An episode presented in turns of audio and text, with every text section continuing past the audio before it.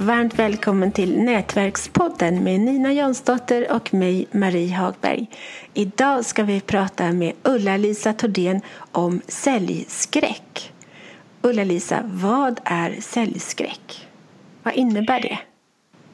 Säljskräck är egentligen ett tillstånd som uppstår för en person som tror att de måste ut och ö, jaga kunder och nedlägga dem som byten. Det är de som eh, inte riktigt kommer fram med det de kan och vet och har ehm, som hjälp till andra människor utan de tror att de ska argumentera och vara jobbiga och är väldigt rädda för att bli avfärdade och förbisedda och bedömda och bortvalda. Och då är det bättre att inte sälja alls eller till och med ta en aktiv kontakt med någon annan. Och det här märks mest med dem som plötsligt befinner sig i en situation där de kanske måste agera med kunder och upptäcker att det är jättesvårt. Hur vanligt är den här typen av rädsla? Den är väldigt vanlig. Jag gjorde förra hösten en eh, enkät i ett större tjänsteföretag och ungefär hälften av de här skickliga specialisterna i just detta företaget, och jag känner igen det, eh, tycker att de känner sig otroligt Eh, borta i en så kallad säljsituation. De vet inte vad de ska säga, de eh, vet inte hur de ska argumentera, de är rädda för att de inte kan sitt eget företags produkter eller tjänster eller ens sina kollegors kompetens och de vet inte hur de ska prata pris. Och då är det bättre att inte träffa kunder alls. Och det är 50 procent, det är rätt mycket lönsamhet som många företag går miste om för att man inte inser att många lider av cellskräck men ingen pratar om det. Jag tänker att på samma sätt när man söker jobb så, det, så tänker jag att många är så rädda för att sälja sig själva så att de, ja, de kanske bara sitter och, och filar på, sitt CV. De är ju inte, inte ute och, och liksom säljer in sig själv. Det är samma typ av rädsla. Du har så rätt Nina och du som jobbar så mycket med karriär och Marie som jobbar så mycket med journalister och frilansare och alla personer som är väldigt kompetenta. Det är ju tyvärr så att man fastnar i att försöka beskriva sig själv på papper istället för att möta människor öga mot öga. Och man kan ju ändå aldrig få ner allting om sig själv, vem man är och vad man står för på ett papper. Det är ju först när man ser någon i ögonen och har ett bra samtal som det kan uppstå någon form av attraktion människor emellan. Och där människor får en möjlighet att känna av vem du är, om det klickar som det heter. Eh, och om man verkar som om man kan de sakerna som faktiskt är på agendan. Både när man söker jobb eller ska skapa fler kollegiala samarbeten i ett större företag eller som entreprenör ska gå ut och skapa sina egna kunder. Det är samma för singlar också som vill dejta. Jag tycker det är, alltså det är exakt samma saker. Jag tycker det är så fascinerande. Men jag ska säga så här att vi, eh, alltså varje människa är ju på något sätt en slags nav i sin egen självbild eller sin egen världsbild. Och jag skulle för ett ögonblick vilja råda alla att fundera inte så mycket på dig själv för alla har fullt upp med att tänka på sig. Så om du också tänker på den du har framför dig så kommer vederbörande bli högst begeistrad och kanske dela med sig så mycket så att de också blir nyfikna på vem du är. Och det här är ju ett, egentligen kännetecknet på ett gött samtal som vi säger i Göteborg. Eh, det är att man sätter fokus på den man har framför sig och är det så att den man har framför sig skulle vara intressant eller intresserad av det du kan då kan ju du välja att berätta det du vill berätta för vederbörande. Det är ju inte alla, eh, det är ju inte alla eh, saker som du kan och vet som är intressant för alla du träffar. Men något utav det du har med dig kan vara högintressant för den framför dig. Så börja med att lyssna på vad de vill ha, vad de behöver, Eh, ehm, när jag var ung så arbetade jag som fotomodell i Paris och Milano och där lärde jag mig att den som ser sur ut får inga uppdrag ehm, förrän du är på toppen för då kan du vara hur du vill. Men alla andra måste på något sätt eh, vara förekommande och vara närvarande och härvarande och få alla andra att må bra för då blir det ett himla bra eh, jobb gjort i studion. Det blir ett himla bra resultat. Så genom att börja med att lägga fokus på vad alla andra behöver och är intresserade av så kommer de att bli intresserade av dig. Och det här kan ju vara en tröst för många som söker jobb och funderar på att nej, men jag, var, jag, är, ett fy, jag är ett fyrkantigt hjul men de behövde eh, en, ett runt hjul i detta fallet och det var inte jag. Helt okej. Okay. Jag fortsätter att leta efter mitt fyrkantiga hål där jag passar in. Får jag fråga, att är, rent generellt, är då kvinnor bättre säljare än män? Oh ja. Det finns undersökningar som visar att ehm, medelsäljaren eh, som är kvinna säljer bättre än medelsäljaren som är man. Sen är det personlighetsdragen då som avgör om man blir en toppsäljare eller om man gillar att, att tävla med andra och vara bäst på företaget och är driven av att ha bonuslön och sånt här och att man gillar att göra business, stora business och allt sånt här. Men kvinnor är normalt väldigt bra på att lyssna sig fram till om kunden verkligen behöver det som man är där för att, att, att lyssna av eller berätta om. Eh, och ibland är det ju så här, man behöver inte ens berätta något om sig själv för man märker att nej men jag behövs ju inte här, de har ju koll. Och då behöver man inte jobba så febrilt. Så eh, kvinnor får ofta eh, bättre eh, kontakt, tycker jag. Bättre på att ställa frågor och lyssna på svaren. Killar är lite mer på. Eh, presenterar och ska berätta och argumentera och meja ner och liksom komma till mål. Medan många kvinnor, jag säger inte alla för det här är personlighetsrelaterat också, men det duger gott att vara en bra lyssnare och känna efter om de verkligen behöver det man har. Men sen måste man lägga på ett litet kol och berätta varför de behöver det och varför man skulle vara det korrekta valet. Och det är ju här säljskräcken ibland sätter in.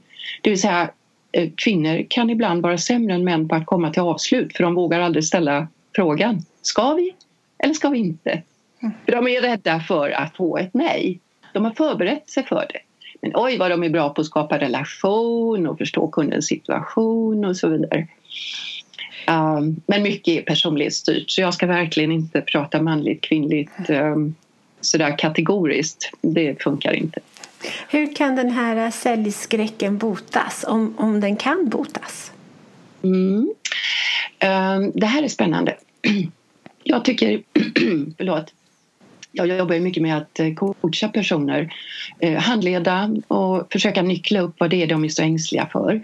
Och då är det så att det finns vissa människor som faktiskt, de kommer aldrig riktigt över den där tröskeln.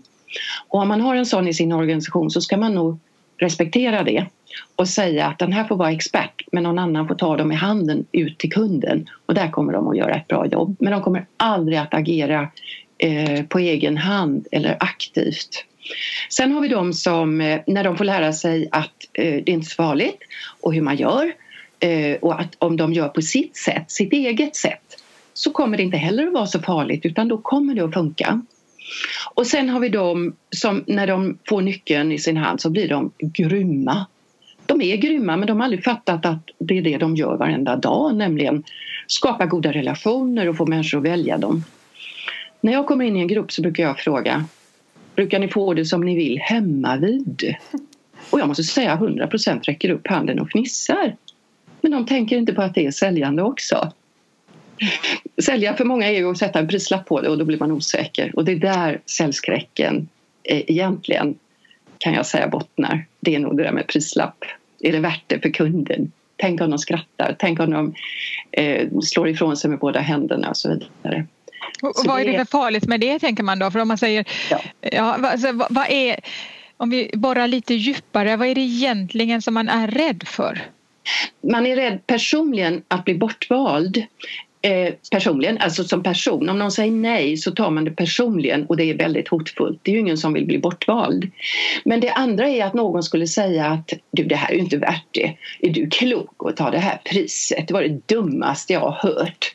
Alltså man är rädd att bli på något sätt eh, fimpad av en annan människa. Och då är det enklast att avstå. Och det är ju en sällskap som är förknippad med en prislapp då. Och poängen är att som expert eller eh, specialist eller när man själv är den som ska leverera eh, tjänsten eller produkten om någon säger nej till priset så säger man ju också nej till dig som person. Man kopplar ihop det här i huvudet fastän det inte har med varann att göra egentligen om man tittar på det rent faktamässigt. Och av det skälet så är det väldigt viktigt att man gör upp om sitt eget pris. Och då är det inte minuter eller timmar utan då är det ett värde som man levererar till andra människor där de avgör om de har råd eller om de tycker det är värt det eller om de väljer det eh, bland många andra saker de har att välja på. Och ibland blir vi bortvalda på grund av att de vill ha det, de tycker det är toppen och det är värt det. Men de har inte pengar i plånboken. Och det är ju helt odramatiskt. Det är ju inget konstigt. Men vi får ihop det här till en enda klump i skallen och tror att oh, de vill inte ha oss, vi är inte värt det, vi är inte värda det. Och då blir det jättejobbigt för de här som är säljskygga att hantera. För de har inte sorterat ut tankarna ordentligt. Man måste jobba lite med sin självkänsla så att man kan hålla isär vad som är vad. Absolut Nina och det här är Alltså det här är jätteviktigt och där kan man behöva lite hjälp på traven och separera personen från proffset. Och jag personligen är rätt blyg. Det är ju ingen som skulle skriva under på det kanske som ser mig i mitt jobb. Nej. Men, men, men faktum är att personligt så är jag rätt blyg. Men i min profession så vågar jag förlita mig på att jag har drygt 30 års erfarenhet av det här med alla säljaspekter eh, och köpaspekter märk väl. För allt handlar inte om att sälja. Och det gör att jag är rätt så trygg i min roll. Och om någon tycker att de inte gillar mig eller min person eller tycker inte jag är tillräckligt bra så tycker jag att det är okej. Okay. Vi klickade inte. De kanske behöver en annan röst, de behöver en annan person. De behöver ett annat sätt att paketera budskapet. Eh, de behöver något annat just nu. Men det gör inte mig sämre. Jag kan det jag kan och jag gör alltid mitt bästa och det måste väl för jösse namn duga då kan jag tycka. Så jag känner mig rätt, eh, rätt trygg i detta. Och det är det som jag skulle vilja att många vågade gå in i sig själv mer och säga men jag känner mig trygg i det jag kan. Jag kan inte allt men jag kan mycket. Och det delar jag gärna med mig av till de som behöver det och vill ha det och är beredda att betala för det. Och lite kan jag bjussa på till de som behöver det men inte har råd för jag tycker det är viktigt. Och du har just släppt en bok på temat. Mm. Eh, och det är min sjunde bok och jag begriper inte hur jag lyckas få till det för det är ju ändå rätt mycket jobb med det. Men den heter Möt kunden öga mot öga. Nyckeln till lönsamma uppdrag genom Viva-modellen. Och det är egentligen att eh, få många specialister och rådgivare att känna att i framtiden måste vi fixa våra egna gig för det finns ingen som fixar dem för oss. Så att personligen om man vill jobba med det man vill så behöver man liksom jobba med sina tankar och sitt sätt att arbeta och planera och fokusera och göra en plan och så vidare. Um, och sen också våga gå ut och möta människor öga mot öga och inte enbart fila på CV eller tro att de sociala kanalerna gör hela jobbet. Där blir man synlig men det är i mötet öga mot öga som man så att säga väljer varann. Och som specialist kan man ju också säga nej. Nej, det här uppdraget passar inte mig men jag känner någon som skulle göra det jättebra. Och så lämnar man över det till någon annan. Bra nätverkande och det gillar vi här i Nätverkspodden. Ja, ni, mm. ni företräder ju detta varenda dag och ni är ju bättre på detta, hålla koll på vem som kan vad och koppla ihop människor och lägga ihop kunskaper och, och bjussa på allting hela tiden. Jag menar, ni är ju ett enda stort sånt här varmt hjärta som klappar för att människor ska hitta varandra. Och det är det det handlar om idag, det är samarbete. Individen är rätt ointressant, vi måste samarbeta för att få saker och ting att hända. Men då måste vi våga träffas. Mm. Det var kloka avslutande ord, Ulla-Lis. Och tack, tack snälla för de fina orden som du sa till Nina och mig. Ehm, hur får man tag i dig, alla som vill bli bättre säljare? Hur får man tag i dig? Mig hittar man eh, bland annat på min egen, via min egen webbsajt och mina böcker och lite blogginlägg. Den heter www.torden.se och det är Torden med TH. Sen finns jag på Twitter och sen finns jag på LinkedIn. Och vill någon ringa så är det jätteenkelt för jag gillar att prata med folk. Och då är det 0709 29 97 60. Och jag tycker det roligaste som finns när någon ringer och är helt uppgiven eller förvirrad. Då träder mitt stora systerskap in. Ja, jättebra. Tack så mycket Ulla-Lisa. Hej, tack hej!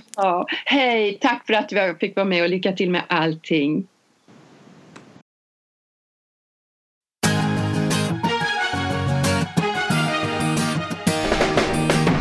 Tack för att du har lyssnat på Nätverkspodden om nätverkande, PR och marknadsföring med Nina Jansdotter och Marie Hagberg.